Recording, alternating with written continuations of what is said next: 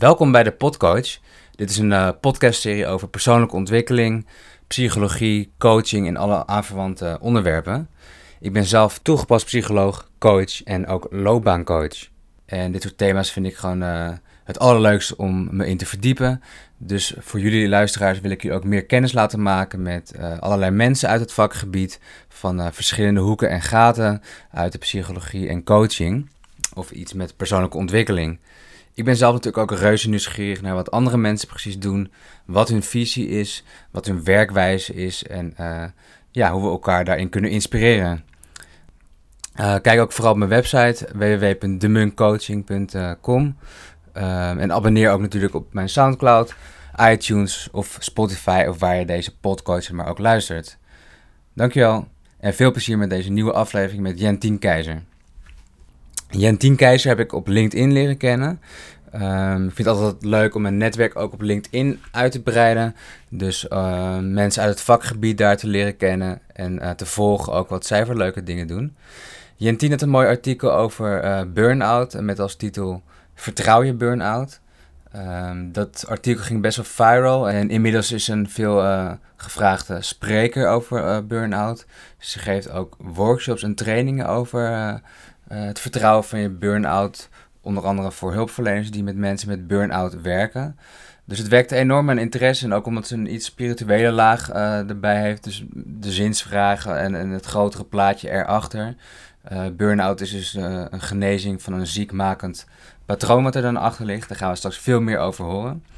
Um, dus reden te meer om psycholoog Jentien Keizer te vragen in deze podcast. Je kan haar dus vinden op LinkedIn, waar ze echt veel leuke artikelen schrijft. en natuurlijk ook op haar eigen website jentinkeizer.nl. Veel plezier met deze podcast.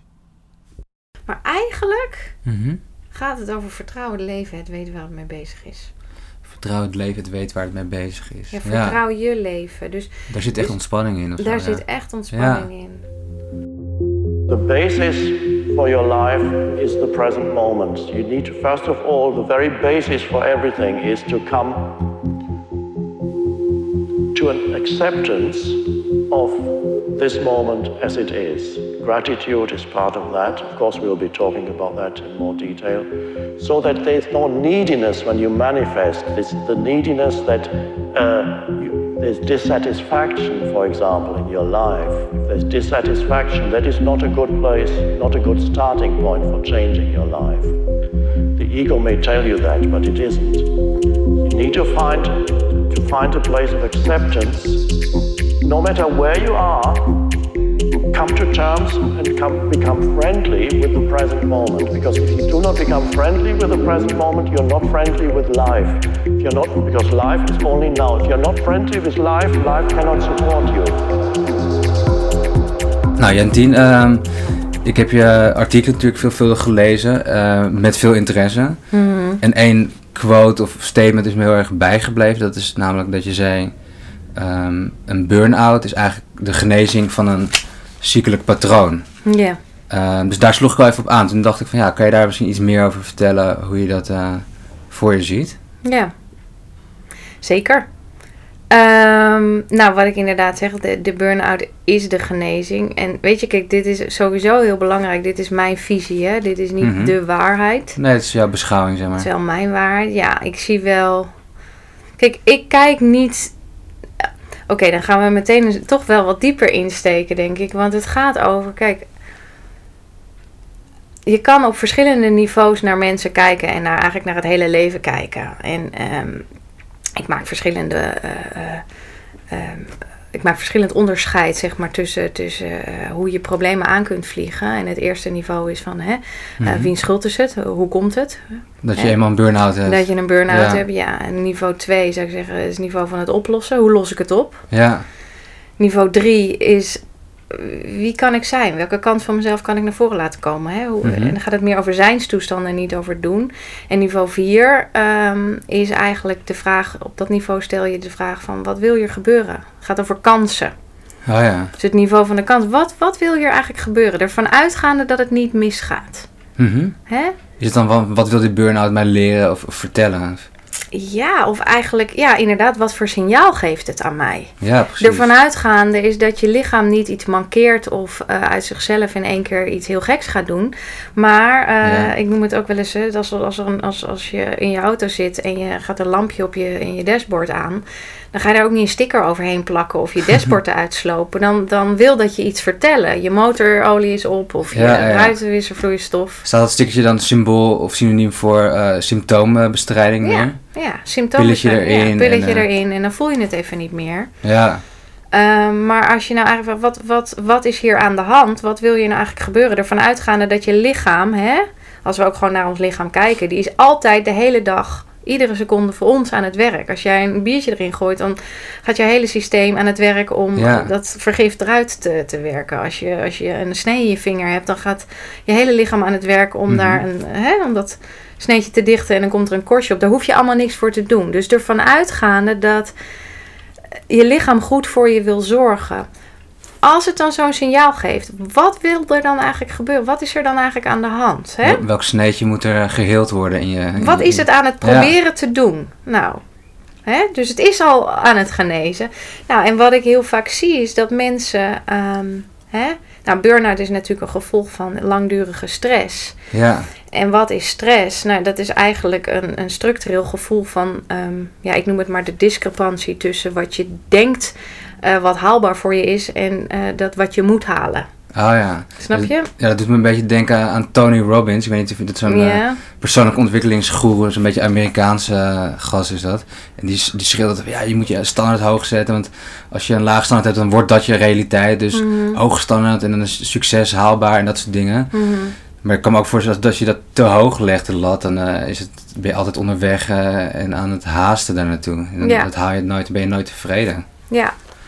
Nou, wat er gewoon feitelijk in je lichaam gebeurt, is dat als er stress is, dus als je. Kijk, en af en toe een beetje stress is, is oké, hè? dat zal hij al ook op doelen. Ik zet Mhm. even mijn kopje op de grond. Maar, ehm, kijk, en dat is ook goed, hè? Dit, dit, dit, is, dit is wat cortisol met ons doet. Als we een beetje stress hebben, maakt ons lichaam cortisol aan. En Ja. daardoor zorgt het voor ons lichaam dat we hè, wat alerter zijn, wat scherper zijn, wat meer gefocust zijn, wat hè, misschien ook zelfs onze spieren wat meer aangespannen hebben. Dat is prima. Als het maar af en toe incidenteel is. Dan Maar als het een het- functie natuurlijk, ja. Ja. Hè. Als je een presentatie moet geven of een deadline hebt waar je tegenaan werkt of weet ik veel, eh, nou ja, een verhuizing hebt, eh, Ja. ik noem het maar wat. Word je gewoon alert ervan. Mo- Ja, dat is goed. Maar als dat structureel is en ook la, eh, langer termijn en een laag niveau van stress. Stress werkt cumulatief in ons systeem. Cortisol werkt cumulatief in Ja, ons systeem. ja. Dus als zich dat ophoopt en er is niet meer genoeg tijd voor rust en herstel, je staat altijd aan, eh, is cortisol heel destructief voor je hele lichaam, voor je immuunsysteem, voor je allerlei hersengebieden, voor, eh, weet je, wil je haren, je nagels groeien niet meer. Ja, het werkt echt door natuurlijk. Ja, Net had je het even over die, die standaard waar je naartoe jaagt. Kan je dat nog even uitdiepen? Wat zie je dan vaak dat mensen voor een irreële standaarden van zichzelf hebben dan?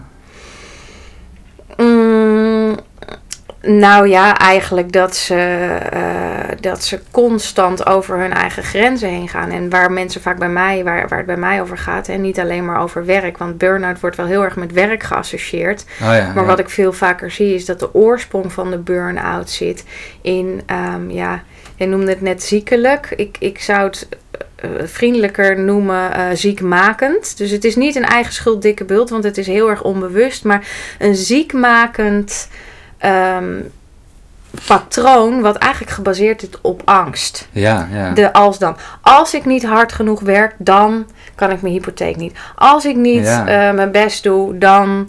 eh, nou ja, allerlei varianten op als dan. Als ik niet een goede moeder ben, als ik niet goed voor mijn kinderen zorg, als ik niet eh, zorg dat iedereen het naar de zin heeft op mijn verjaardag, als ik niet. Nou, Allemaal van buiten, allemaal externe allemaal extern. bronnen Ja, natuurlijk. eigenlijk wat ik in die artikelen ook schrijf, het is het, het, het hoger prevaleren van extern, hè, van de Ja. externe wereld, dan hoe je je intern voelt. Ja, precies. Heel vaak zie ik mensen, nou noem een praktisch voorbeeld. Hè. Je, je- iemand geeft een verjaardag en eh, heeft daar best wel wat stress van. En probeert echt iedereen het de hele tijd naar de zin te maken en voor iedereen aan het rennen. Echt een pleaser. Een pleaser, die Ja. heeft helemaal geen lol in zijn eigen verjaardag. Ja. Nou, en dat zijn vaak, dit, dit is een uiting van zo'n patroon. Maar je ziet dat zo'n persoon ook vaak op allerlei vlakken andere mensen probeert te pleasen. En eigenlijk, wat ik ook zeg, eigenlijk steek je structureel een hele dikke middelvinger naar jezelf op. Ja. Want je doet dit uit angst. Niet omdat je het heel graag wil. Nee, je haalt natuurlijk een bevestiging van buiten naar binnen. Als mensen mij leuk vinden, dan Ja. ben ik goed. Of als ik, die, baan, als ik die banenpromotie heb, dan ben ik Ja. goed. Ja, Maar het doet me ook wel denken, ik heb het, laatst het boek van Jan Geurts gelezen. En die stelt dat in je kindertijd ontwikkel je een soort negatief zelfgeloof. Omdat Ja. je dan af wordt gewezen door je ouders of door op school. Weet je wel, je bent niet meer goed zoals je bent. Je moet presteren, cijfers halen, wat dan ook. ja, Waardoor je zo'n basispatroon haalt van ik ben niet goed genoeg. Of Ja. ik ben stom. Of ik ben een mislukkeling. Waardoor je inderdaad gaat pleasen. Of perfectionistisch staat, eh, wordt of zo. Of, de rest van je leven staat in teken om, dat, om die overtuiging, die echt die basis, die fundamentele overtuiging, te compenseren. En Ja, dat is gewoon heel hard werken, want het is Ja, nooit goed ja. genoeg. Nou, Ja. en als je dat dus structureel doet, waar angst is, hè, ik zeg altijd van je kan uit angst of uit liefde eh, in beweging komen. Dus of je hebt er zin in, leuk, hè, voorkeur, of als ik het niet doe, dan vinden ze me niet meer aardig, of dan stort de hele tent in elkaar, of hè. klopt, ja. ja. Ehm, daar waar angst is, is cortisol. En waar structureel cortisol is, raakt je systeem opgebrand. En dat is Ja. niet iets wat ik vind. Dat is geen mening, dat is ook niks moralistisch. Maar dit is gewoon eh, als de zwaartekracht. Als je springt, dan val je. Als er structureel cortisol in je systeem zit, dan ehm, gaat je lichaam op een gegeven moment stoppen. En dat Ja. noemen we dan een burn-out. dat Ehm, het helemaal in je zenuwstelsel ook doorwerkt. En zo. Ja. Ja, Ja. mensen krijgen allerlei lichamelijke klachten. Dus je lichaam, hè, als we het hebben over signaalfuncties. Ja. Je lichaam geeft je allerlei eh, eh, signalen van... eh, je krijgt eerst, weet ik veel, pijn in je nek of je rug. Of je wordt... Je emoties, hè, die beginnen ook... je, ik noem het het emotionele lichaam. Die begint feedback te geven. Die zegt, ik Ja. word zagrijnig. Ik krijg met tegenzin aan mijn werk. Ik heb een korter lontje. Je krijgt afkeer, dan word je er misselijk van en zo. Ja, dus Ja. Dan, dan... Dat zijn allemaal signalen van je systeem. Die zegt, hé, hey, je moet ergens iets wijzigen. Luister naar mij. luister naar mij. En als je dat niet doet, dan trek ik gewoon op een gegeven moment aan de noodrem. Niet om je te pesten, maar Ja. omdat het ziekmakend is om in dat oude patroon, dat compenseren van ik ben niet goed genoeg, ik ben niet leuk genoeg, ik ben niet mooi genoeg, ik ben niet slim genoeg. Ja, precies. En dat is ziekmakend. En ik heb wel eens eh, coaches dan, eh, maar die, die hebben dan ook dat gevoel van shit, mijn lichaam zegt eigenlijk al van ik wil het niet meer, ik heb stress. Mhm. Maar juist omdat het dan minder goed gaat, je presteert minder, of je voldoet niet meer aan de stand, gaan ze juist in een soort kramp nog perfectionistischer doen. Of nog harder werken, meer overwerken, omdat het al niet goed gaat. En dan krijg je nog een soort boost in je, richting je burn-out of zo. Ja. Ja, bizar. En ik wil nog even één ding ophelderen, want ehm, een collega van mij die zegt van overspannen is nog zelfs een gra- gradatie hoger, terwijl in de veel eh, literatuur zegt, zegt ja, dat burn-out juist na een overspanning komt. Hoe zie jij dat dan? Ja. Eh, Voor mij, het zijn voor mij allemaal woorden. Ja, Het, eh, ja, weet je, is- gaat Labeltjes. het- labeltjes, ja. Sommige mensen die zeggen. eh, het gaat ook over, heel vaak over emoties en gevoelens. Weet je, de psychologen zijn het daar helemaal niet over eens. Er is helemaal niet één standaard voor. Mhm. Het wordt gewoon allemaal door elkaar gebruikt. Zoals overspannenheid en burn-out volgens mij ook. Ik ben dus, ja, Ah, los van dat het nu lijkt, omdat ik er veel over schrijf en, en met veel mensen werk en trainingen erover geef en workshops over burn-out. Ik heb helemaal niet zoveel met dat label. nee. Het gaat er voor mij om wat erachter zit. Eén, wat, wel- welk neuropsychologisch en ook echt psychologisch eh, structuren, patronen zitten daarachter. Ja, Dat vind ik veel, veel interessanter. En hoe je het noemt, dat maakt me niet uit. Maar het is een ziekmakend Oh ja. systeem. Wat, waar ik met mensen in, in één op één eh, en in workshops naar kijk. Van wat, wat, wat, wat is jouw patroon? Waar, wat wil je lichaam je eigenlijk ehm, Hmm. vertellen?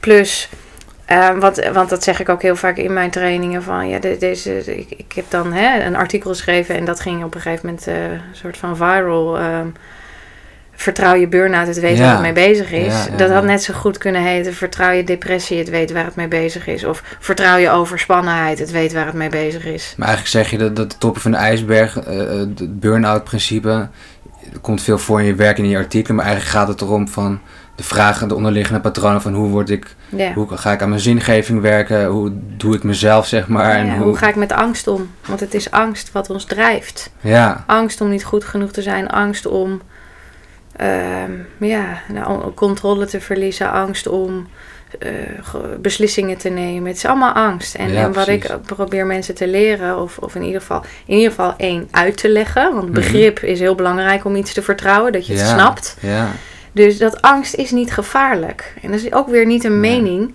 Maar angst is, is, is iets wat je kan dragen als mens. ja, Maar als je er altijd bij weggaat, of altijd in standje vechten of vluchten gaat, wat hè, tot uiting komt in allerlei van dat soort patronen die je ook net noemde, Mhm. ehm, dan ehm, ga je altijd bij die angst weg. En daarmee wordt het iets heel groots. Of het is een soort skippiebal, wat ik ook vaak zeg, een soort skippiebal die je onder water probeert te Ja. drukken. En dat lukt je een heel deel van je leven.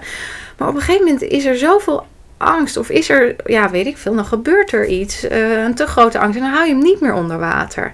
Nee, precies. Dan sploekt hij in één keer boven. Ja, en dat, dat voelt even met heel veel geweld. Maar, Ja. maar een skippiebal die boven komt is, is gewoon niet gevaarlijk.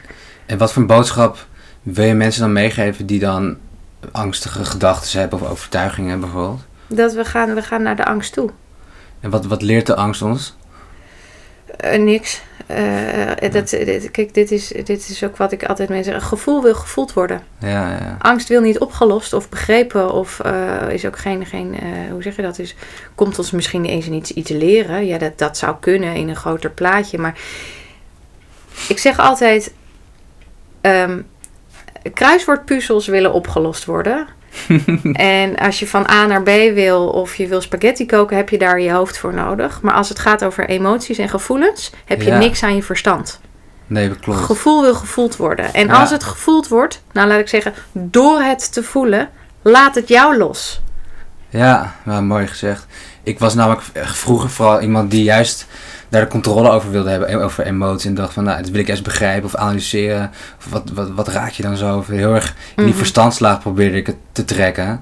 Maar dat is natuurlijk ook een illusie. Dat, dat, dat, dat- inderdaad, ik heb echt geleerd om, laat het maar eh, eh, onrustig zijn. Of laat het maar angstig zijn. Of laat het maar verdrietig zijn. En ehm, een emotie duurt vaak toch maar iets van 90 seconden. Dan gaat het vanzelf weer weg. En dan, Ja. ja, laat het maar zijn. Je kan het beste investeren in, in wat ik altijd zeg, de draagkracht om met de downside van het leven om te leren gaan. Want hè, eh, shit happens.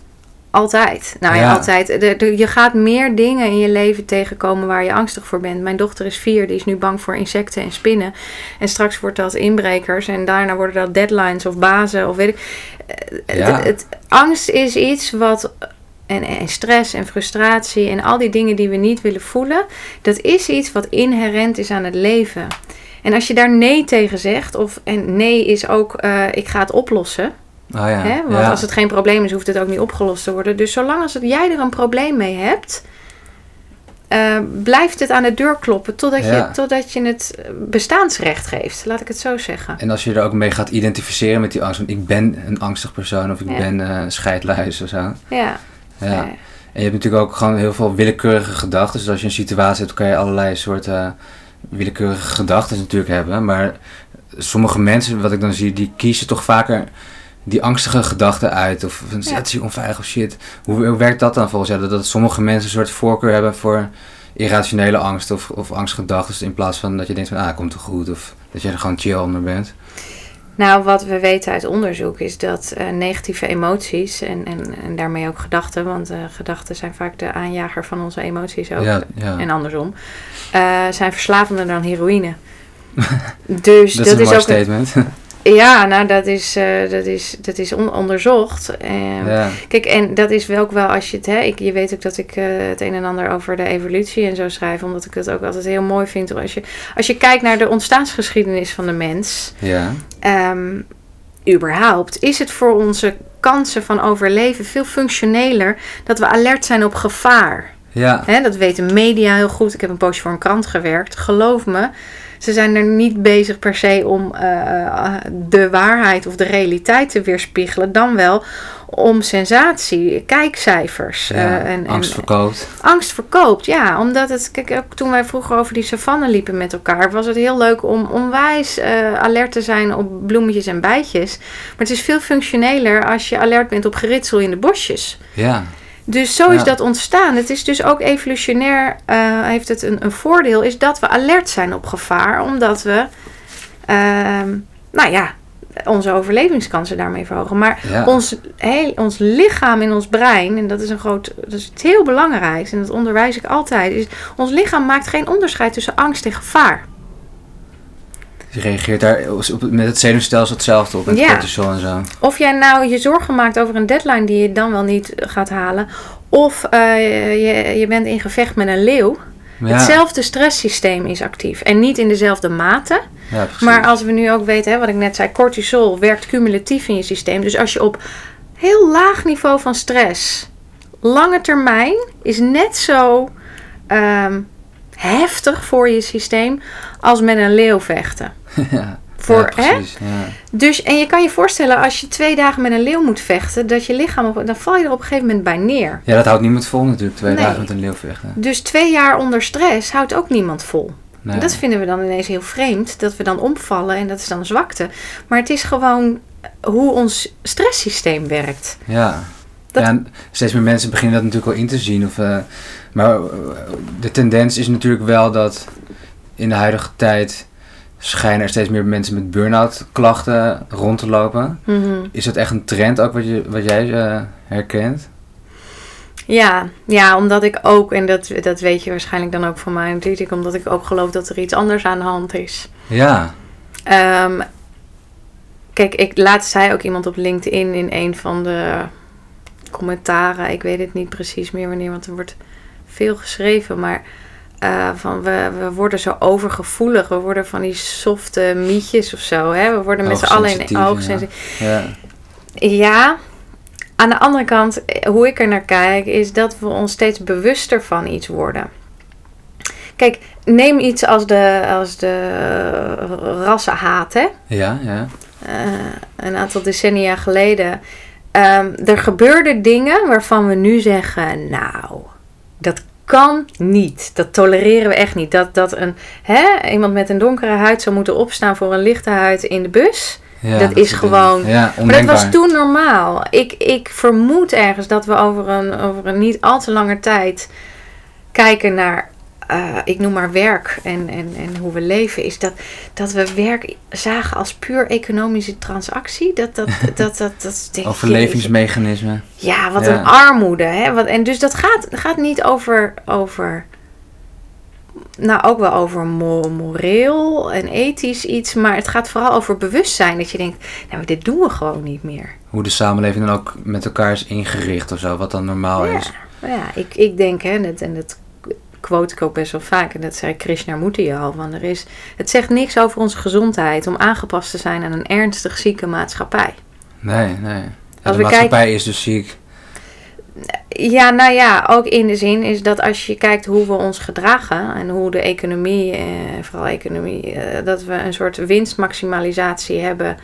ehm verafgoden zijn, dat zijn we aan het verafgoden. Mhm. Niks in de natuur gedraagt zich zo als dat wij willen dat onze economie zich gedraagt. In de zin van Nee, klopt. Je structurele moet groei. altijd efficiënter, meer winst, meer omzet, Ja. meer consumptie. Terwijl we al lang in basisonderhoud is- is er al lang genoeg Daarom, alles gaat in cycli, alles gaat in... kunstmatige schaarste. Ja. Dus als mensen mee moeten gaan in die, in die stijgende lijn, en sneller, effectiever, meer, sneller, beter, weet ik veel wat allemaal, dan Ja. stopt dat stopt. Want dat, zo zitten we niet in elkaar. En nogmaals, dat is ook weer niks persoonlijks. Dat is gewoon net als, als ja, wat ik heel vaak zeg, het is de zwaartekracht. Als de Dalai Lama van, van, een, van elf verdiepingen hoog springt, dan is hij dood. En net zo goed als Henk op de hoek. Mhm. Zo werkt het. Dus ons lichaam is niet bestand tegen hoe we ons, ja, ik noem het maar ons werkethos, ons arbeidsparadigma hebben ingericht. Ja, Daar kun je van ja. vinden wat je wil, maar het verandert helemaal niks.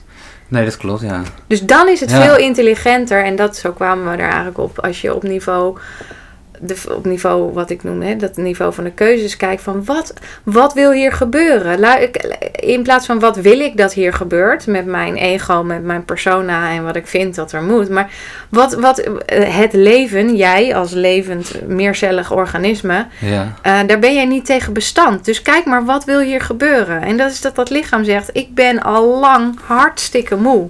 Ik wil dat dit stopt. Ja. en je, je zoekt gewoon meer balans of, of, of zingeving op andere dingen. Je hebt hele andere behoeftes. Natuurlijk Ja. alleen maar groei en hebzucht en, En meer, ego. en sneller, en beter. We zijn altijd onderweg. Ja, en dat gaan de mensen steeds meer inzien dat dat niet Nee. hetgene is wat als je op je sterfbed ligt van goh, oh ik heb zo'n leuke business gedraaid en het ging steeds elk jaar beter, meer geld en nee. want eigenlijk is het ook van hoe meer je verdient, hoe meer het ook diefstal is van een samenleving. Bijvoorbeeld eh, Microsoft die, die maakt steeds alles duurder over dit soort monopolie en dat betekent eigenlijk dat, dat, dat het helemaal niet dat het soort diefstal is van het volk. Als je Ja. het monopolie hebt, dat, je moet, de economie moet eigenlijk ten dienste zijn Ja. van de mensen en niet als consumptie ingericht zijn. Ja, en hetzelfde geldt wat mij betreft ook voor eh, ons werk. Dat moet Ja, eh, ten dienste staan. eh, voor dat, zodat wij ehm, hè, ons kunnen uitdrukken, iets kunnen doen met onze talenten en onze gaven. Ieder gezond organisme, Mhm. ieder levend organisme, en dan heb ik het gewoon over dieren, mensen. eh, eh, geen, laten we zeggen, geen gezond mens zal de hele dag inactief met zijn gordijnen dicht onder de dekens gaan liggen. Die wil iets doen. En het liefst iets doen wat hij leuk vindt en wat hem makkelijk afgaat. Daar zouden we Mhm. werk voor in kunnen richten. Maar een, een criticus zou, die dit dan hoort, die zou zeggen: ja, maar wie, wie gaat dan de straten vegen of wie gaat dan het, het vuile werk opknappen als iedereen eh, alleen maar iets van zingeving in zijn werk zou willen zoeken? Ik denk dat je verbaasd zal staan eh, wat er gebeurt en wat mensen gaan doen. Hmm. Vrijwillig, eh, of vrijwillig vanuit, vanuit hun. Maar ook gewoon net zo goed als dat Ja. je je eigen tuin onderhoudt. Het, maar het gaat echt over een heel ander paradigma waar ik het over heb. En daar zijn we, daar zijn we nog niet. Nee. Maar als je zegt van, wat zie je nou gebeuren? Waarom, worden we, waarom vallen er steeds meer mensen om? Ik denk eigenlijk vertonen we een steeds sterkere allergische reactie op iets wat eigenlijk helemaal niet goed is. Net zo goed als dat er steeds meer mensen een allergische reactie vertoonden op het feit, eh, nou hè, dat voorbeeld wat ik in die bus net noemde. Dat, dat mensen denken, ja, nou, nee, dat klopt niet meer voor mij. Nou, Ja, ik zie ja, heel ja. veel jongeren ook die zeggen, ja, dit, het, het klopt niet voor mij. Kun jij mij uitleggen? Laatst had ik een jongen van 17 tegenover me. Die zei, kun jij mij uitleggen wat er inspirerend aan is? Dus dat ik me nu in de schulden steek voor een studiefinanciering. Hè? Ja, ja, ja. En dan straks dat ik dan heel lang moet studeren voor mensen die eigenlijk totaal niet geïnspireerd zijn naar mijn idee. ja. En dan voor een baas moet werken voor wie het grootste deel van, van, van het werk wat ik verzet en het geld dat er verdiend wordt, wordt afgedragen aan een paar mensen die ik niet ken. Die dan met alle winst ervan doorgaan. Wat is daar inspirerend aan? Is ja, goed, terechte vraag, ja. ja. Waarom ga ik niet gewoon nu doen wat ik leuk vind en hang ik daar een prijskaartje aan? En ik zie dus dat er, dat er een soort kanteling komt in, in dat, dat ja. nou ja, wat ik ook wel noemde, de, de, wat Maslow, hè? ken je de piramide de van piramide, Maslow? de behoefte. de behoeftepiramide, ja. de, waarin onderaan hè, die fysieke behoeften, daarna de veiligheid, ja, daarna de sociale interactie, dan komt erkenning en waardering en dan zelfactualisatie. ja, de spirituele zingeving, ja. Nou, of in Ja. ieder geval zelfactualisatie, dat het, er, dat het op neerkomt van de muziek die erin zit, moet eruit. Ehm, En ik kan er niet omheen. Maar dat we collectief van erkenning en waardering naar zelfactualisatie gaan. Dus dat je steeds meer, hè, als je kijkt naar je opa en oma en die, ja, daar hun ouders van, was het verhaal, het goed voor elkaar hebben. Hè, Mhm. eh, een goede baan en eh, goed Ja. gezin en een huwelijk en alles. En dan Dat niet was- lullen maar poetsen mentaliteit een Ja. beetje.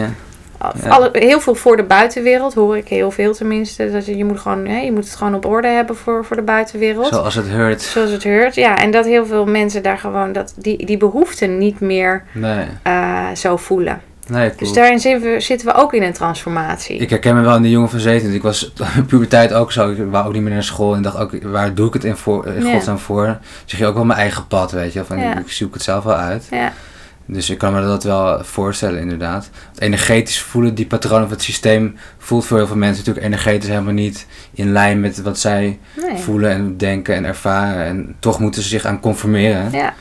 En Ja, eh, dat is natuurlijk wel eens eh, lastig. Maar het is ontzettend lastig. Want het oude werkte helemaal niet meer voor heel veel mensen. Maar het nieuwe is er nog niet. Nee, maar we komen natuurlijk uit de industriële revolutie. En toen moest het allemaal in zo'n keurslijf, arbeiders. En toen werd het zo ingericht. En daar, en die economische groei natuurlijk. En daar plukken we nu nog de vruchten van natuurlijk. Ja.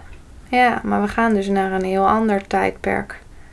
Ja, vertel daar eens wat over. Je hebt ook een artikel geschreven over homo eh, consciousness. Mhm. Nou, eh, wat ik eigenlijk bedoelde nog net met dat een ander tijdperk is dat je ook ziet, hè, we, we zijn inderdaad van die industriële revolutie naar een kennis- en informatiesamenleving gegaan. Dus, hè, dus de, eerst werden we betaald voor onze, voor onze fysieke eh, kracht. Dat werd overgenomen door machines. Hè? Ja, dus daar ja. hadden we geen mensen meer voor nodig. Nu worden we betaald om ons hoofd te gebruiken. Dus dan hebben we het over geheugen, kennis, informatieopslag. eh, weet ik veel, allerlei uitvoerende taken.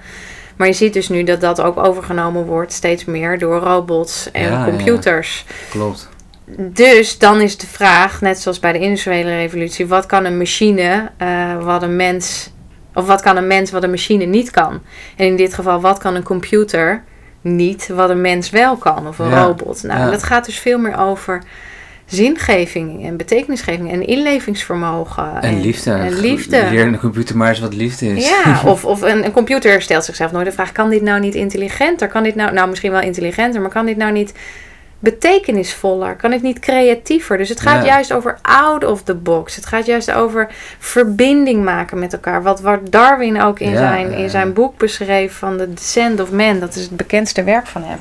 Ehm, is dat de mens zo ver geëvalueerd is door zijn verfijnde manieren van samenwerking, van inlevingsvermogen, van empathie. En fantasie. En verbeeldingskracht. fantasie, creativiteit. Ja. Die, dat zei hij ook letterlijk volgens mij. Als, als het de bedoeling was dat, dat we.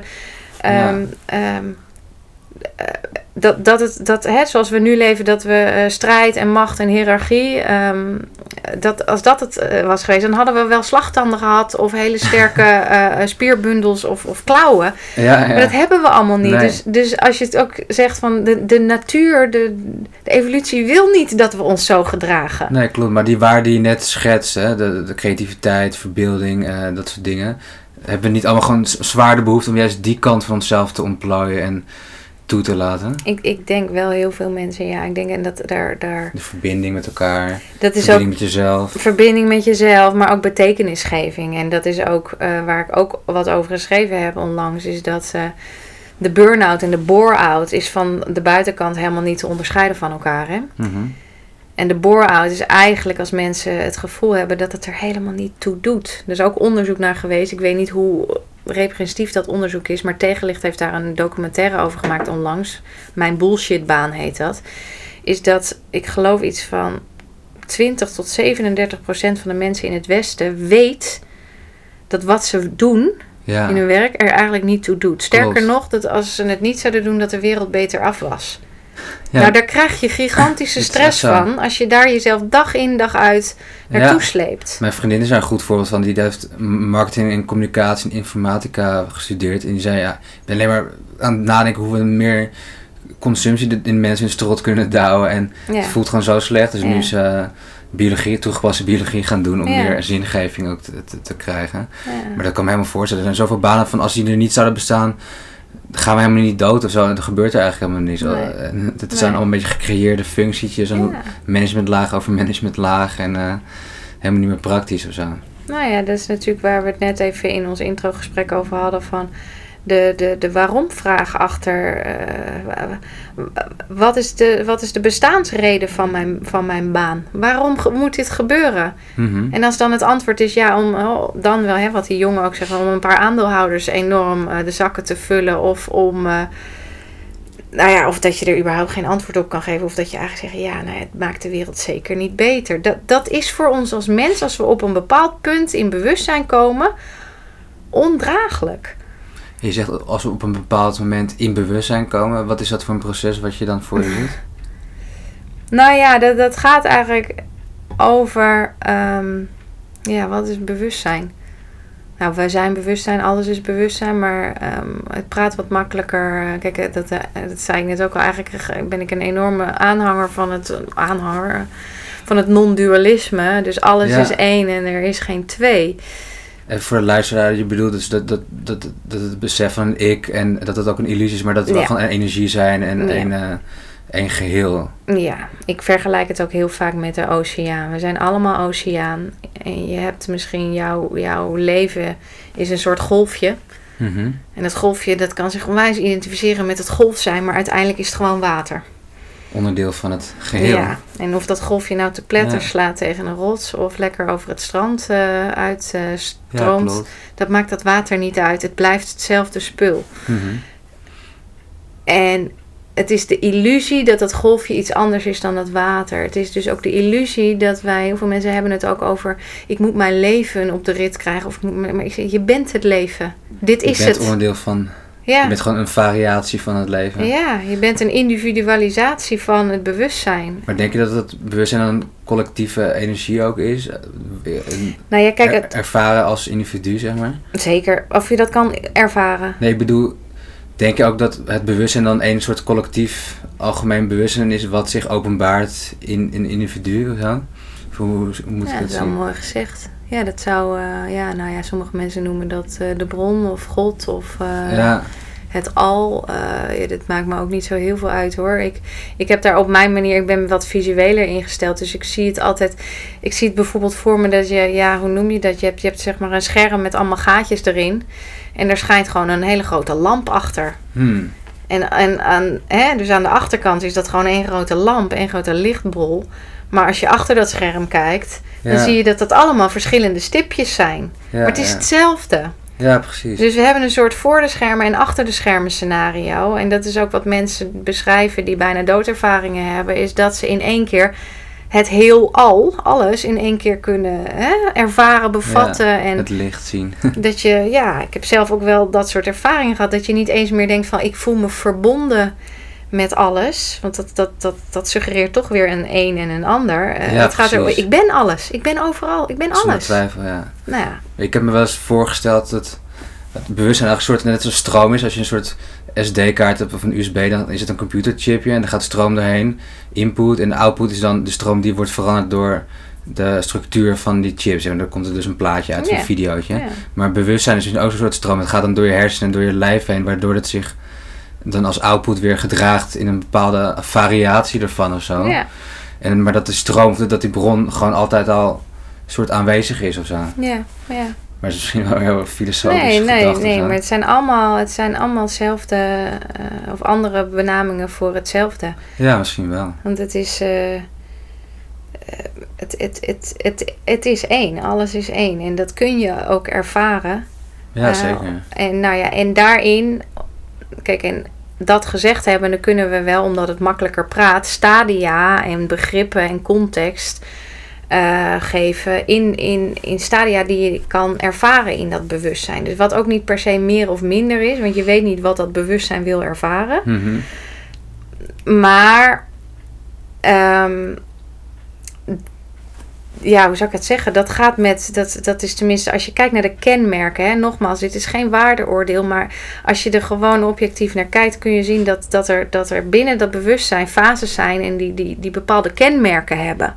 Mhm. Nou, en dat is onder andere ook waar ik over schrijf, is dat als er dus een overgang plaatsvindt in, van bewustzijn in een, nou noem het een vehicle, in een, in een Ja. zoals jij dat noemt, in zo'n chip, eh, zorgt dat voor heel veel turbulentie en gedoe en crisis. En ehm, omdat het oude uitgewerkt is en het nieuwe is er nog niet helemaal. En Dus ook dat. uit je voeg gebarsten om naar iets groters, naar iets Ja. hogers. Ja, Ja. er, wil iets, eh, er wordt iets nieuws geboren en dan is het oude te klein. Dus het is altijd, het is wel altijd, het, het is net zo goed als alles in het, in het universum dijt uit. Ja, dus dat bewustzijn ja. ook. En onze, Oh, ja. Het hele, hele universum dijt uit. Dus op een gegeven moment breekt het ergens doorheen. Maar voordat het ergens doorheen breekt, is het wel uiterst pijnlijk even allemaal. Maar je hebt het mooi als metafoor gebruikt van een slang, nee, van een eh, rups die uit zijn kokonnetje knalt. En dan tot een vlinder verwoordt. En dat gaat gepaard met groeipijn of met Ja. je schil uit willen beuken en zo. Ja. Ja, Ja. dat heb ik van Satsri. Dat is een, eh, een schrijver die veel over de Bhagavad Gita. Die schrijft inderdaad echt van het, het, het stadium van het oplossen van die rups in die kokon. Dus Ja, het is ja. nog geen vlinder, maar de rups lost op. Dat moet vreselijk voor zo'n beestje zijn. Maar ook dat de rups is nog de rups, maar de informatie is al... Ja, Het blauwdruk is al vlinder, maar dat is nog niet ja, tot stof geworden. Terwijl wel die intentie heel sterk is. En dat lijkt me ook een soort van tussenfase. en het van, is ook niet stoppen. Ja. Dat is het ook, je weet ook wel dat niet zo van dat dat rupsje doet dat of zo. Dus je moet hard zijn best doen. Dus het is ook niet het ego of die persona die zich eh, verder bewust wordt. nee. En daar zijn best voor kan doen. Dat proberen ook heel Dat veel ik. Dat, ja, dan heb je in één keer een heel bewust ego, maar dat is nog net zo goed een ego. Het, het overstijgt juist het ego. Ja, ja. Maar wanneer mensen zeggen, kijk, wat, ik ben een mooie vlinder, gewoon kijk eens wat, hoe goed ik dat heb gedaan en ben zo Mhm. gegroeid. En, Maar dat heeft die vlinder dus niet gedaan. En nog die nee, rups nee, niet. Nee, precies. nou, maar- wie heeft dat wel gedaan? Dat is het leven. Ja, precies. En, en dat is dus ook de vraag, en zo kijk ik ook naar mensen in mijn gesprekken van. Dat je probeert, en dat is echt, ik kan niet precies uitleggen hoe, hoe je dat doet in de zin van dat zijn Mhm. geen tips en trucs of, of, of gesprekstechnieken voor. Of. Maar dat je heel intuïtief op de bal gaat zitten en denkt: wat wil hier nou gebeuren? Wat, als ik nou eens meebeweeg met dat leven, wat, wat, ja, wat ik, Mhm. als ik zo luister ik naar cliënten, zo probeer ik in te voelen. Wat wil hier nu gebeuren? Want het is niet altijd rups, vlinder. Er, er gebeurt Nee, van alles. Dus je laat er de ruimte om te ontstaan wat, wat er moet ont- ontstaan op dat moment. Eh, Nou, ik probeer het gewoon juist heel erg te volgen. Het is niet Ah, eens ja. dat ik het laat ontstaan. Het ontstaat ook met of zonder mij wel. Maar dat Ja, mensen ja, komen hier natuurlijk ook wel met eigenlijk meer de vraag: waar ben ik? mhm. figuurlijk gesproken. Wat gebeurt er? Dat willen ze graag duiden. Nou, dat kan je op heel veel... Ja, Ja. eigenlijk wel. Ik snap het niet meer. Ik weet het niet meer. Ik weet niet meer hoe. Verwarrend, ja. Ja.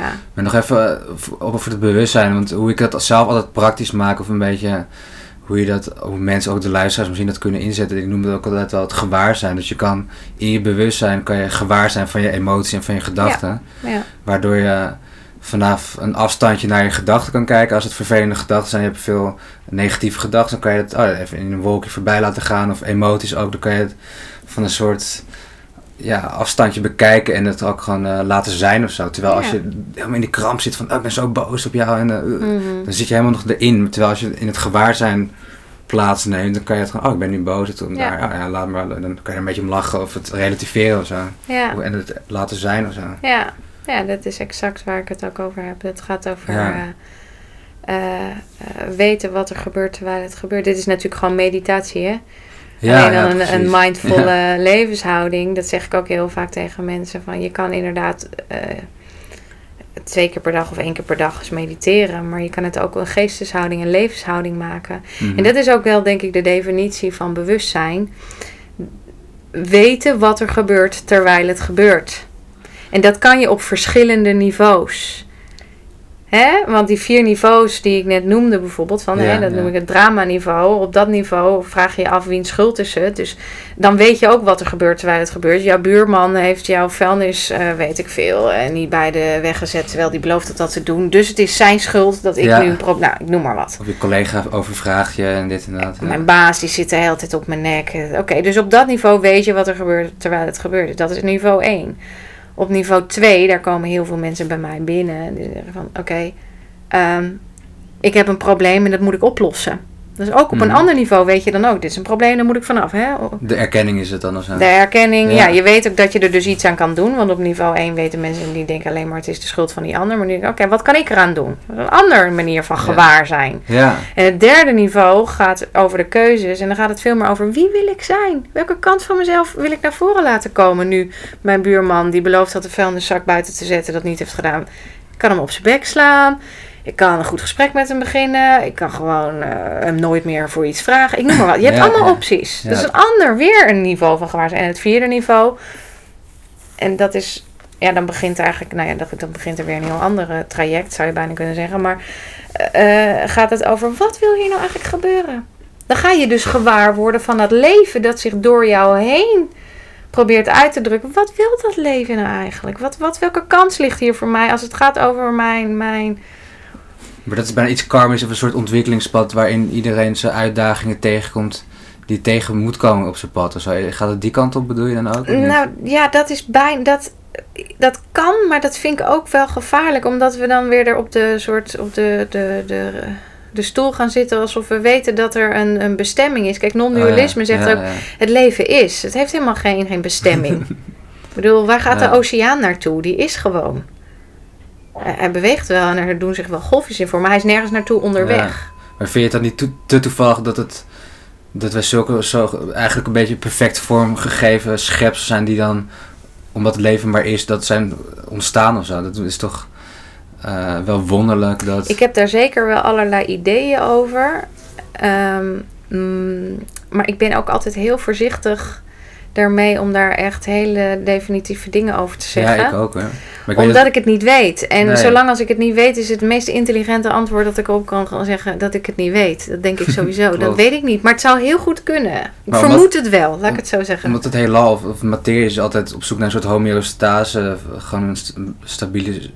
En dan zou je niet zeggen dat dit er allemaal uitkomt, als dat wij als paddenstoelen als energie uit de Een grond... soort ongelukje, een soort trial Ja, dat is and toch wel error.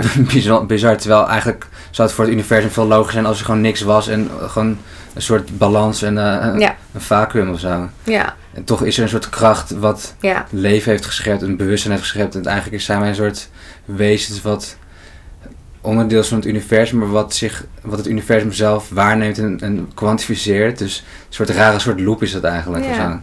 nee, dat ben ik helemaal met je eens. Het enige is dat we heel snel op een stoel gaan zitten waarin we gaan oordelen over, maar dit draagt niet bij aan eh, de bestemming van de mensheid of mijn persoon of zielsmissie en dit wel. Terwijl ik denk daarin, ik geloof namelijk zeker dat het zo is hoor, zoals jij het ook zegt. Mhm. Alleen ik denk ook dat we heel vaak niet weten wat het desbetreffende bewustzijn of de ziel wil ervaren. Dat een hele, eh, als we het toch eh, hè, zeggen van oké, er is van alles eh, aan evolutie en, en, en, en, en niveaus van, van karma of nou je snapt Ja, wat ik bedoel. Dan, ja. dan zouden we kunnen zeggen van oh, maar een geestelijk, lichamelijk gehandicapt kind kan best de ziel van een verlichte meester zijn. Ja, ja, ja. Dus we weten het niet. En, en daarin, op dat niveau, moeten we niet voor rechter gaan spelen. Je moet het ook niet per se willen weten. We zijn dat zo gewend alles te willen begrijpen. Ja. En, Er zijn gewoon verschillende manieren waarop je als, in ieder geval als mens, wezen, je bewustzijn, je gewaarzijn kan inzetten. En wat ik zie is dat Ja. dat expandeert. Hè? Van, ik noem dan die vier niveaus, omdat het gewoon makkelijker praat. Maar dat is eigenlijk gewoon een glijdende schaal. Dus het is gewoon een groeiproces. Maar het praat wat makkelijker als je het categoriseert. Maar dat je expandeert. Hè? Je voelt van die blik gaat steeds verder naar buiten. Als je jezelf afvraagt wie schuld is het dat ik me kloten voel. Of wat wil hier gebeuren. Dat het een heel andere ja, wijd... Ja, nou, en Ja. daarin zie ik dat wij collectief... Maar ook dus individueel eigenlijk van het oplossingsgerichte niveau gaan naar hoe los ik het op, naar wie willen wij zijn, hoe Ja, willen we ja. leven, wat, wat hè, waar, betekenisgeving. Dat we, dat we heel erg daarmee, dat we die overgang maken. Maar je, ik voel ook al als je dat zo zegt, dat er veel meer een soort van, ah, een soort van ontspanning in zit. Terwijl je zegt, ja, hoe gaat het oplossen? Zit, oh, puzzelen zit, ik ben niet goed. En terwijl je zegt, ah, wat wil je zijn, wat wil je ontstaan of zo. Ja. dan veel, ja, het mag er allemaal zijn, en Ja. laat het maar zijn. En dat zo. we eigenlijk van human doing naar human being gaan. Dat het Ja. gaat over zijnskwaliteit en niet over wat we doen. En, en stiekem weten we dat ook wel. Want op, op inderdaad, wat je net zegt, eh, op begrafenissen wordt niet verteld over wat we allemaal hebben gedaan. En gaan we niet onze cv opratelen. Het gaat, er, het gaat altijd over wie we zijn geweest. De zijnskwaliteit. Hij was vredelievend. Hij was zo liefdevol. Hij was zo geduldig. Dat zijn, je kan niet geduldig... Ja, je kan wel geduldig doen, maar het is een Ja, zijnskwaliteit. hoe hè? je hebt verwezenlijkt als mens meer. Zo. En Ja. dat op begrafenissen beseffen we altijd heel goed dat het daar wezenlijk over gaat in het leven. En, en tot we de boodschap krijgen dat we terminaal zijn, hè, eh, Ja, zitten we ja. helemaal in ons doen, doen, doen, Echt, doen, doen, Ja. doen, doen. En dat is, dat is ziekmakend. Altijd maar doen en moeten en moeten. Ja. Maar ik vind het grappig, want ik vind het, voor mij is het helemaal eh, ja, best logisch en, en, en, en ik, ik begrijp het, ik herken het ook allemaal, maar ik werk veel met wetenschappers bijvoorbeeld en die Mhm. willen alles meten en begrijpen, die, die zullen dit soort dingen misschien een beetje zweverig vinden of, of, of ontkennen of willen meten of Mm. willen verklaren of in cijfertjes willen gooien, weet je. Want, ja, terwijl dit is voor mij ook een soort wetenschap, want, want je weet het, je ervaart het zo dat het zo is als je gewoon open staat en kijkt en Ja. voelt. Terwijl, ja, in wetenschap is dan ook meer metenschap, zeg ik. Ze willen alles maar meten. En Ja. dit is natuurlijk een beetje ontastbaar en dus een beetje spannend of zo. En ze kunnen niet kwantificeren of zo. Nou, ergens Ja. is, het, is, is het iets heel, want ik ben ook zeer wetenschappelijk hoor. en Ik vind het ook hartstikke leuk. Maar het is ook beperkt. Je moet, je moet de wetenschap Ja. moet niet denken dat zij. eh, we hebben natuurlijk het. het eh, ja, wie zei dat toch laatst? Zo hoorde ik ook iemand zeggen. Die zei: Het is toch wel opmerkelijk, want we hebben eh, vijf zintuigen. En dat dat precies de dimensies zijn die we kunnen meten en, en, en, en weten. Mhm. Maar er ontstaan ook nieuwe soort zintuigen. En dan gaan we in één keer andere dingen eh, ook waarnemen. Maar dat we ze niet kunnen meten, betekent niet dat ze er niet zijn. Heb je het dan over intuïtie ook? Ja, ik noem maar wat. Of helderziendheid. Of eh, voorgevoel. Ja, ja. Eh, nou ja, weet ik veel. Allerlei. Er zijn natuurlijk mensen die van allerlei dingen waarnemen. Mhm. En Buitenzintuigelijke het feit dat andere mensen het niet waarnemen... of het gros van de mensen het nog niet waarnemen... betekent niet dat het er niet is. Nee, natuurlijk niet. Dus dat is heel Ja. beperkt als je zegt van... nou, maar wij hebben de waarheid in pacht. Dat is een bepaalde dimensie, een bepaalde tak. Of, het, natuurlijk kan je ook buitenzintuigelijke waarneming hebben. Ja, ja. ja. Maar dat is dan heel anders en dat hebben we ook misschien afgeleerd door de jaren heen. Terwijl volgens mij misschien volkeren dat duizenden jaren geleden misschien Ja. wel veel meer. Ja. Hoe wisten ze dan anders welke planten meteen giftig waren of niet? En hoe wisten ze dan anders medicijnen te maken of weet ik veel wat voor dingen. En daarin een soort, een soort nederigheid zou wel gepast zijn. Want de wetenschap heeft natuurlijk ook heel lang gedacht dat materie vast was. En dat dat, Mhm. hè, dat is de stoel waarop we zitten, dat dat materie is en dat dat een vaste substantie is. Maar dan ja. komt er ineens een nieuwe wetenschap een aantal decennia geleden. En dat noem je dan kwantumfysica. En die zeggen, nou sorry, maar dat hele paradigma Ja, voor die realiteit onder jullie microscoop. We hebben een betere microscoop. En nu kunnen we in één keer zien dat er eigenlijk 99% gewoon helemaal niks is. of allemaal golfjes eigenlijk, als het golfjes. En, ja, dus dat, dat slaat een heel paradigma omver. Wat het niet meer klopt. Dus het zou Ja. een soort nederigheid zou daar wel. Dat we zeggen, nou, so far weten we dit. Maar het meeste weten we nog niet. Maar ongetwijfeld zullen er ook een heleboel wetenschappers zijn die, die er zo in staan. Ja, maar ik hoop dat daar ook een beetje zo'n soort bewustzijns-expanding eh, plaats gaat vinden. Maar inderdaad, kwantumfysica is ook weer zo'n veld dat je eigenlijk door de obs- obs- observator de realiteit kan sturen. Ja, Dus dat, datgene wat achter je afspeelt, dat het dan pas werkelijk wordt als je er naar kijkt en dat soort dingen. ja. Dat bizar. Zonder bewustzijn geen werkelijkheid. Ja, Dat is eigenlijk eh, de wet van de kwantumfysica. Dus, eh, of een wet van de kwantumfysica. Dat gaat erover dat, dat er eigenlijk alleen maar eh, golfjes zijn. Hè? eh, Ja. zonder bewustzijn. En, wij en geven er betekenis aan. ja. Door conditionering misschien. Nou, door, we, we manifesteren het door ons bewustzijn. Dus het Ja. zou wel kunnen zijn, als er, als er geen bewustzijn is, dan is er niets meer. ja, bizar. Nou, en dan kom je ook weer terug op het idee dat alles is bewustzijn. Want als, Alles als bewustzijn. niet meer is, dan is er niks meer. Nou, Maar ik vond het ook zo fascinerend dat er is zo'n verhaal dat er Indianen waren, geloof ik. En die woonden dan op een eiland en daar kwamen dan schepen. Maar omdat ze geen concept hebben van schepen, vliegtuigen, ik weet niet meer wat het was, konden ze dat ook niet waarnemen. En dan werden ze ook gewoon in één keer overvallen door, weet ik veel, indringers. ja. Omdat ze dat concept vliegtuig of zo, of schip, ik weet niet meer. Schepen waren het, ja. Schepen waren het. Dat ze dat niet meer konden waarnemen, of nog niet. En dat dan helemaal niet zagen. Dus misschien, wat, wat zien wij dan nog wel niet, wat we niet hebben geleerd om te zien, weet je wel? Ja, dus hierin ook weer, en dat is ook een soort, nou ik noem het, ja, is nederig het goede woord, maar wel een bescheidenheid. Dat Mhm. soms moet je gewoon zeggen, ik weet het niet. En dat is echt het meest intelligente antwoord. Want we weten een heleboel niet. Ja. En durf met dat mysterie te zijn. Je begint eigenlijk met ik weet het niet en dan ga je je ontwikkelen weer volwassen en wil je alles weten. En dan eindig je ook weer met, oh, ik weet het eigenlijk niet. Ja. dan kun je net zo goed bij het begin weer aan Ja, en het, en geeft ook daarin voel je ook een soort ontspanning. Want je hoeft het ook niet allemaal te weten. Ja. Maar wat ik probeer met mijn werk is dat mensen zich dus kunnen overgeven in de zin dat ze kunnen vertrouwen. ehm, een beetje ook in het, ja, niet in het onwetende, want het klopt ook niet helemaal, want ik leg een heleboel altijd uit.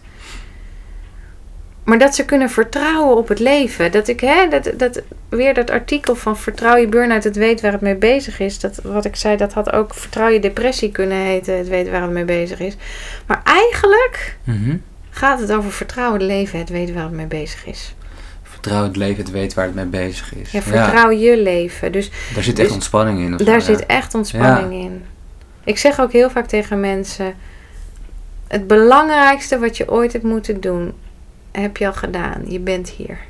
Je was al gelukt toen je geboren was. Ja, dat was het enige wat je hoeft te presteren. Dat is je al gelukt. Dus je hoeft inderdaad niet. De rest is allemaal een verhaal eigenlijk. Ja, is wel bedacht, ja. zijn, een rozenstruik of hè, wat ik ook schrijf, een rozenstruik of weet ik veel, Otto, mijn rode kater die daar ligt. Ja. Die is echt niet bezig met iets uit zijn leven te halen. Die leeft gewoon. En die plant die hier staat net zo goed. En, en, en gewoon planten zijn. ja, Ja. ik wil zeggen, ah ja, ik vind hem niet zo mooi. Maar dat zegt meer over jou dan over die plant. Die plant is gewoon wat hij is. En die doet wat hij moet doen. En we kunnen wel zeggen, oké, die heeft bepaalde kenmerken. Hij gaat een beetje omhoog en een beetje in de breedte. En hij heeft de neiging om witte blaadjes eh, te produceren. Maar waar die blaadjes Ja. komen, wanneer, hoe precies... Daar Ja. bemoeit hij zich niet mee. het is gewoon wat het is. Ja, Maar ik zeg ook wel eens mensen, tegen mensen die vastlopen van ja, je bent nu zoals je bent en je had nooit anders kunnen zijn dan dat het nu is. Dus je probeer niet te veel in het verleden te sleutelen. Mensen als ik maar dit had gedaan, als ik die, die keuze had gemaakt, als ik toch maar die opleiding had gedaan of dat, die baan niet had gedaan. Dan denk ik, ja, waarom zou je het proberen te sleutelen in het verleden? Want het had nooit anders kunnen zijn dan dat je nu in het hier en Nee. nu bent. het is ook een soort no-brainer. Als je ergens Ja. geen, geen invloed meer op hebt, is, is het, Ja. is het in, tenminste in die dimensie om er op die manier wat aan te doen, ja. Maar toch hebben mensen veel spijt of ehm, ja, afkeer er tegen, tegen wat ze hebben gedaan of zo, of besloten hebben ooit. Er is ook heel veel bezigheidstherapie hoor, Hmm. als ik het zo hoor. Vind, Ook dat, in de zin van bezigheidstherapie is dat we onszelf maar bezighouden met een excessief nadenken. En dat het hele. Oh ja, ja. dat- dat- dat- ik bedoel. Het, het denken beheerst ons voor het grotendeel in plaats van dat wij het beheersen. En, en ook die stap zullen we moeten gaan nemen, is dat wij ons. Hè, dat we onze emoties en onze gedachten gaan beheersen in plaats van dat ze ons beheersen. Want we zijn een soort, daarin een soort ongeleid projectiel. Ja, maar ik denk van alles, ik kan het niet stoppen. Ja, het is gewoon ja. een verslaving. We, we Ja. leven in een soort collectieve neurose als het gaat over denken. En het is allemaal niet erg, maar het is wel goed om, om niet te denken dat we, dat we zo in controle zijn. Want de definitie van een verslaving is ergens mee willen stoppen, maar er niet mee kunnen stoppen. Nou, probeer maar eens te stoppen met denken. Dat lukt je misschien als je goed kan mediteren, een uurtje of zo. Ja, ja, ja. Maar voor de meeste mensen lukt dat niet langer dan eh, drie seconden. En wat, wat bedoel je precies met beheersen van gedachten en emoties dan? Nou, dat je het inzet ehm, en gebruikt. En het, is- het, het, het, het- als voert, het zijn voertuigen Mhm. ehm, waar we iets mee kunnen. Hè? Maar Onze- denk je dat je denken ook kan trainen? Zeker, zeker. Tuurlijk. Er zijn heel veel Ja. eh, monniken die doen niks anders. Nee, precies. Maar sommige non-dualisten zeggen ook, ja, het gebeurt zoals het gebeurt. En je, kan niet, je denkt wat je denkt. En het, is maar energie wat als springkaan in je brein ontpoppen zich gedachten als willekeur. Ehm, maar ik ben ook zeker van overtuigd dat je, je, kan, je hebt natuurlijk een denkkracht. En met je denken kan je tegen een probleem aankijken. Je kan echt, eh, zoals een soort spier kan je je denken ook trainen, denk ik. Ja, Een soort denkkracht of zo. ik denk als we kijken naar waar we nu momenteel zijn met onze denkkracht, is dat het ons beheerst en dat het inderdaad onwillekeurig oppopt. Ja, ja. Ehm, maar waar we het voor kunnen inzetten is als het gaat als we praktische dingen moeten oplossen. Hè? Wat ik net, dus ik weet niet of ik dat net ook zei, maar als je een brug wil bouwen, heb je daar je verstand voor nodig. Dat doe je Mhm. niet op je gevoel. Daar heb je een bouwtekening bij nodig. Daar moet je je hoofd bij gebruiken. Als je spaghetti wil koken, doe je ook allemaal niet op je gevoel. Ja. Snap je? En, Ja, ja. en Nou, ik, doe, ik kook eens op een gevoel. maar- Ja, maar dat is dan je automatische piloot. Ja, maar de eerste keer dat jij spaghetti kookte eh, en een lekker had je daar echt wel je hoofd bij nodig. Ja, absoluut.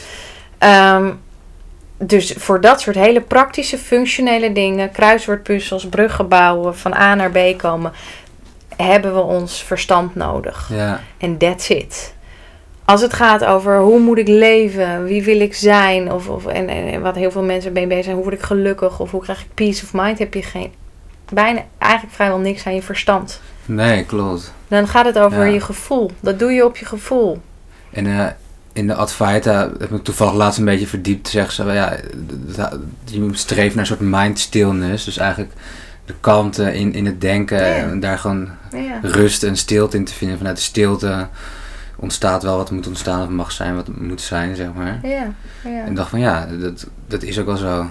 En daarin is het inderdaad wel gewoon als die, die mind die ga je niet stil krijgen, die kan je niet temmen. Ik denk nu niet, eh, zoals waar we, hoe we nu in het stadium waar we nu zijn, maar ik Nee. denk dat het dat het gaat is dat je het eh, niet meer zo serieus neemt, dat het een soort achtergrondmuziek wordt, hè?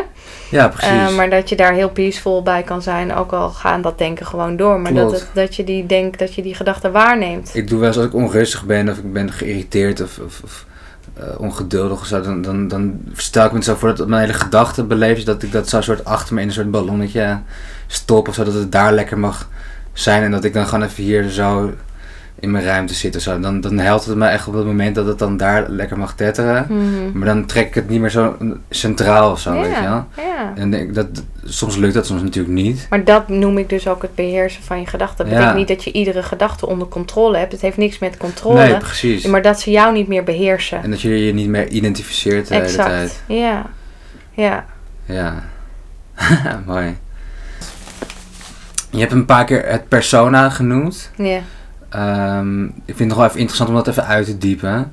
Hoe ontstaat een persona? Wat, wat zie je als een persona? En ja, waarom moet je dat juist leren loslaten? Nou, ik zeg niet dat je het moet loslaten. Ik moet, het moet zijn juiste plek hebben. Kijk, we hadden het net over bewustzijn. En net zoals dat water zich kan individualiseren in een golfje, Mhm. Individualiseert bewustzijn zich in een persona. En in jouw geval noemen we dat Ramon, in mijn geval noemen we dat Jentien. In het geval van die rode kat daar noemen we het Otto. En in die plant noemen we het een plant. Dus bewustzijn in de vorm van een plantervaring. Bewustzijn in de vorm van een katervaring. Bewustzijn in de vorm van een menservaring. Maar is het dan zelfbeeld of meer imago? Of is het... Het is Het gewoon het gewoon- vehicle, zo, zo, zo Ja. zie ik het. Eh, want imago, dat is dan echt weer nog veel meer het verhaal. Ik zie meer de persona als echt het voertuig, wezen, het ja. wezen. En dat bestaat ja. uit, een, hè, wat ik in mijn trainingen ook zo zeg, uit een fysiek lichaam. Hè, dit, Mhm. een mentaal lichaam en een emotioneel lichaam. En er zijn er nog meer, maar als we het even hebben over wat we kunnen meten en weten, is dat ongeveer, eh, hè, want we hebben ook nog een etherisch lichaam en een astraal lichaam, maar dat Ja, voert nu wat ver. immuunsysteem en zo. Ja. Maar als we kijken, die, die persona is kenbaar door middel van een fysiek, een emotioneel en een mentaal lichaam. Dus dat Mhm. drukt zich uit in ons lichaam, in onze emoties en in onze gedachten. En daarmee kunnen wij dingen tot ons nemen, die wereld tot ons nemen. Zintuigelijk, Alle ervaringen. conceptueel, intellectueel, emotioneel kunnen we hem tot ons nemen, maar we kunnen ons er ook mee uitdrukken. Mhm. Dus die persona is een voertuig, een vehicle waar bewustzijn zich in kan uitdrukken, dan wel dingen kan, kan ervaren. ja, ja. Nou, zo zie ik het. En, en je kan dat ook het ego noemen. En, en dat, is, dat is dus ook gewoon niet iets slechts. Mits je je gaat identificeren met die persoon. Want die persoon is niet wie je bent, maar wat je hebt. Maar is het ego dan niet een laag die, die, die dat gaat waarderen? Ik ben dit of ik ben zal ik zo Ja. moet ik zijn? Of, Nou ja, dat, dat, dat, dat is zoals ik. Ja, en weet je, dit zijn ook weer allemaal woorden. Want ik denk uiteindelijk bedoelen we allemaal hetzelfde. Maar Ja, het ja. ego zetelt voornamelijk in het emotion. Ja, nee, eigenlijk in alle drie. Want je identificeert je vaak met je lichaam. Dit ben ik, zo zie ik eruit. Ik ben knap of niet knap. Ik ben slim of niet slim. Dus dat ego, dat is eigenlijk het verhaal dat helemaal geconstrueerd wordt ja. eh, door, die, door die drie voertuigen. Maar vind je dat het ego net als een emotie er gewoon mag zijn en laat maar ego... eh, Zeker, zeker. Ik, ik vind hem heel functioneel ook. Mhm. Hij heeft een hele belangrijke plek, want zonder ego, zonder verhaal, zonder persona, eh, ja, ben je alleen maar bewustzijn. En ik, ja, ik denk dat je dan, Ja. dan was je niet geïncarneerd. En zonder ego hebben we ook geen mooie gebouwen of geen Eiffeltoren gemaakt en zo. Het moet alleen een gezonde plek. Er is ook niks erg met. Ik, ik zie namelijk dat het mensen heel veel problemen hebben. Is als ze hun ego, als ze hun, hun persona niet liefdevol behandelen. Als, als ze een lage eigendom hebben. Dan ben je als het ware een waardeloos vehicle. Want je, je bent niet bruikbaar, snap je? Ja, ja. Dus het is heel belangrijk dat je er heel veel liefde voor, voor jezelf en voor, voor, dat, voor die persona, voor dat ego hebt. Maar het moet, hier ook weer, het, je mag het gebruiken, maar het moet jou niet gaan beheersen. Ja, ja, precies. En dat is het verschil. het mag En er zijn ook. tuurlijk, het is Ja. er al. Het is er al. Ja, hartstikke Ja. vriendelijk dat het er mag zijn, maar het is er al. Dus tuurlijk mag het er dan zijn. Ja. Maar heel veel spirituele boeken of mensen zeggen van ja, eh, we moeten egoloos of de ego dood of de... Ja. Nou ja, ik zie alleen maar dat er dan weer een soort innerlijke oorlog plaatsvindt. Want zolang als je iets, dat is weer die skippybal, Ja, probeer je ego maar eens Ja. weg te krijgen. Je ego is er al en het is ook Ja, heel precies. functioneel. Het is onderdeel van die goddelijke schepping. Ehm, alles wat je ontkent, eh, je gaat vechten voor bestaansrecht. Ja, ik denk het ook al, als je het zo zegt. En, en als je je ego juist klein probeert te maken, dan... En dan komt, hij komt toch wel een keer boven. En dan ga je daar ook weer schuldig over voelen. Dan ga je schamen. En dan ook ben je geen goede, goed persoon, want het ik ben moet in de juiste bezig. verhouding op zijn juiste plek. Dus het, is, het is een ontzettend bruikbaar apparaat. Of ja, voor, ik noem het Ja. maar vehicle. Om eh, hier het leven tot je te nemen. Dus eh, love it. En gebruik alles, maar laat niks jou beheersen.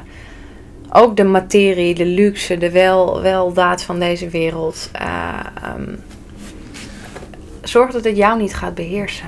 Ja, dat vind ik wel mooi. Die komt dan weer terug. Dus al die... In ons lichaam spelen al die dingen mee. Gedachten, ego, emotie, eh, overtuigingen. Maar gebruik het ten dienste. Ja. In plaats van dat het jou gaat beheersen. Want zonder, Hmm. zonder je ego kon je geen brug bouwen, kon je ook geen spaghetti koken. Ja. Kon je het ook niet proeven, want je had geen tastzin. En Maar zo- hoe, hoe doe je dat? De mensen willen weten, ja shit, hoe zorg ik dan dat het mij gaat dienen en eh, hoe, hoe, hoe vind ik daar ruimte of de wijsheid in of? Nou, door het, door het zo, zoals we er nu over praten, wat ik, wat ik heel vaak zeg is begrip is iets. Het, eh, op mijn website staat geloof ik ook een quote ehm, van Einstein. Die zei, any fool can know, the point is to understand. En het gaat dus, understanding is voor mij echt een sleutelbegrip in mijn werk. Mhm. Iets Ja. begrijpen. Juist. En dat betekent niet dat je het onder controle wil houden, maar ehm, als je iets wil vertrouwen, het leven bijvoorbeeld, is het heel functioneel om het te begrijpen. Sommige mensen hebben het niet nodig, die vertrouwen het gewoon, die leven en die, die, die komen ook niet bij mij. Maar heel veel mensen, die zijn heel mentaal georiënteerd en begrijpen het niet. En als het er dan een beetje akelig uitziet of aanvoelt, dan komen ze enorm in het verzet, want het gaat zogenaamd mis. ja, ja. Maar het gaat niet mis als je begrijpt wat er aan de hand is. En dat is ook weer die vraag waar ik altijd van: wat wil hier nu gebeuren? Ervan uitgaande dat het niet misgaat. En als ik je dan mee kan nemen in een ander soort paradigma, wat ik ook. Hè, wat ook eh, begrijpelijk is, deels ook heel goed wetenschappelijk te onderbouwen is, dan geeft dat vertrouwen. ja, ja. En Ja. deels is het dat, en dat is het stuk mentale lichaam waarmee ik met mensen werk. Maar als het gaat over, ik heb zoveel angst. En dan kan ik wel zeggen, ja, je moet het begrijpen. Maar angst wil niet begrepen worden. Nee, Angst wil gevoeld worden. Dus dan gaan we het samen voelen. En dan, onderzoeken. gaan we, gaan we, dan ga ik het uitnodigen. En dat Ja. noemen we dan ook wel eh, regressietherapie. Of, eh, nou ja, ik heb daar allerlei manieren voor. Eigenlijk is dat voelen zonder verhaal. Eh, dat, je, dat je draagkracht ontwikkelt voor negatieve emoties. Want die ga je sowieso krijgen. En dat je die Ja. niet probeert op te lossen of te veranderen of te fixen. En ook niet te analyseren. Want dat is ook een manier om er vanaf te komen. Als ik het maar goed genoeg begrijp, dan hè, Ja, ik het tuurlijk. En wat denk je dan van mensen die emoties moeilijk kunnen tonen, bijvoorbeeld? Dat vond ik vroeger bijvoorbeeld heel erg lastig om, om mezelf heel erg uit te drukken. Of eh, dat mensen niet zo aan me zagen, bijvoorbeeld hoe ik me dan, wat voor stemming ik had of zo, weet je wel. Mhm. Wat, wat zou je daar dan van zeggen? Nou, dat, dat, dat vraagt dus gewoon wat, eh, wat tijd en aandacht en een goede spiegel voor jou. En dat hoop ik voor mensen te zijn, een, een zuivere spiegel. Ik Ja, vertel ze niet maar- wat ze moeten doen, ik probeer ze te spiegelen wat ik zie. Ja, precies. Ehm, en daar handreikingen in te geven, wat ik denk van, hé, maar wat, Ja, wat, wat ja, zit hier nou achter? Want waarom laat je nou niet zien eh, wat je voelt? Wat zit erachter? Wat, waar. Waarvoor doe je dat? Nou, dan zouden we daar al pratend en, en reflecterend zouden we daarachter kunnen komen. Ehm, ja, ja, ja. Dus ik zou iedereen adviseren daarin eh, een hele zuivere spiegel te zoeken. Zoek een spiegel op. Ja, Ik zeg ook altijd wel eens, als ik iemand coach, zeg maar van, eh, eigenlijk heb jij gewoon door, door mij een heel goed dialoog met jezelf eigenlijk. ja exact. En dat is een beetje Ja. ook hoe ik dan werk. Ik ben wel loopbaanadviseur, maar ik heb nog nooit advies gegeven bijna. ja, Want dan doe ik, vind ik dat ik mijn werk niet goed doe. Ik wil dat zij of hij dan zegt van, ja. oh shit, ja, ik ga, dit of dat past of dit voelt goed. En Mhm. ah, ik kan weer verder. En dat hebben ze dan zelf, want dat is allemaal latent eigenlijk wel aanwezig. ja. Maar door even te spiegelen inderdaad. Maar dat is, ontdek dat vind ik wat een goede hulpverlener gewoon moet doen. Of een goede begeleider. Is mensen teruggeven aan zichzelf. Een echte leider creëert geen volgers, maar nieuwe leiders. Ja. En een echte hulpverlener creëert, ja, creëert geen, eh, eh, ook geen volgers of nakomelingen van ja, nou ik ben bij die eh, in therapie geweest, dus ik heb nu dat gedachtegoed overgenomen. Die heeft zichzelf teruggevonden en die Juist, heeft, zijn, heeft ja. de functie van die coach overbodig gemaakt. Dat is ook echt mijn ambitie in mijn werk, is dat ik mezelf zo, nou, zo snel mogelijk in ieder geval, ja, in een bepaalde optiek wel. Ik, ik geloof er niet in dat iemand erbij gebaat is om hier vier jaar te zitten of zo. Ik geloof Nee, daar niet in. Dat is mooi. Dat je jezelf overbodig maakt omdat iemand die, die spiegelfunctie zelf over kan nemen. Anderzijds is het, blijft het altijd een feit, is dat je, of je nu beneden jezelf bekijkt, hè, zo van ik zie nu mijn eigen lichaam, of ik heb een spiegel, ik zie wat anders. Mhm. Dus ook ik heb mijn spiegels. Ja, Ik heb ook mensen die mij supervisoren en die me af en toe helder spiegelen, omdat ze mij iets anders spiegelen dan dat ik zo naar beneden kijk. En dat ja is mooi. zo waardevol. Dus je zegt ook eh, voor iedereen zoek een spiegel op. Eh, maar hoe doe je dat voor mensen die zeggen, nou ik heb geen zin om naar een psycholoog te gaan of een coach, maar hoe zoek je dan een spiegel op? Of wel? Nou ja, eh, je, kan, je kan in vriendschappen ook heel zuiver gespiegeld worden. Je kan Ja. eh, door je relatie, die spiegelt je ook constant. De, de, de mensen het meest dichtbij je. Alleen, kijk, wat wel fijn is aan natuurlijk ehm, in, een, in een meer coachende of therapeutische relatie, is dat het echt even alleen maar de spiegel op jou gericht wordt. En dat Mhm. het niet gaat over mijn belangen, mijn. Ja, mijn, eh, vooral mijn belangen. Het gaat natuurlijk wel over eh, ergens wel mijn visie, maar daar kiezen mensen voor. En dat, dat probeer ik ook door mijn schrijven uit te dragen. Is dat je Ja, weet ja. wat voor soort. Want ook bij mij zit er een filter overheen. ja, over die spiegel. ik zie niet de waarheid. Ik zie dus. En als je je aangetrokken voelt tot die filter, tot die waarheid, dan ben je hier op je plek. Maar het, gaat, het maakt mij geen donder uit wat je besluit te doen. Ja, Als het je, als ik, wat ik probeer te doen is mensen ehm, dicht bij zichzelf. Dat, dat ze dingen, dat ze leven vanuit liefde en niet vanuit angst. maar je kan ook nooit meer dan je eigen spiegel zijn natuurlijk. Maar ik moet even denken ook aan projecties, want mensen projecteren op andere mensen als een soort omgekeerde spiegel ook hun eigen shit. Ja, En je ziet natuurlijk wat in jou onvolmaakt is of wat je daarvan denkt.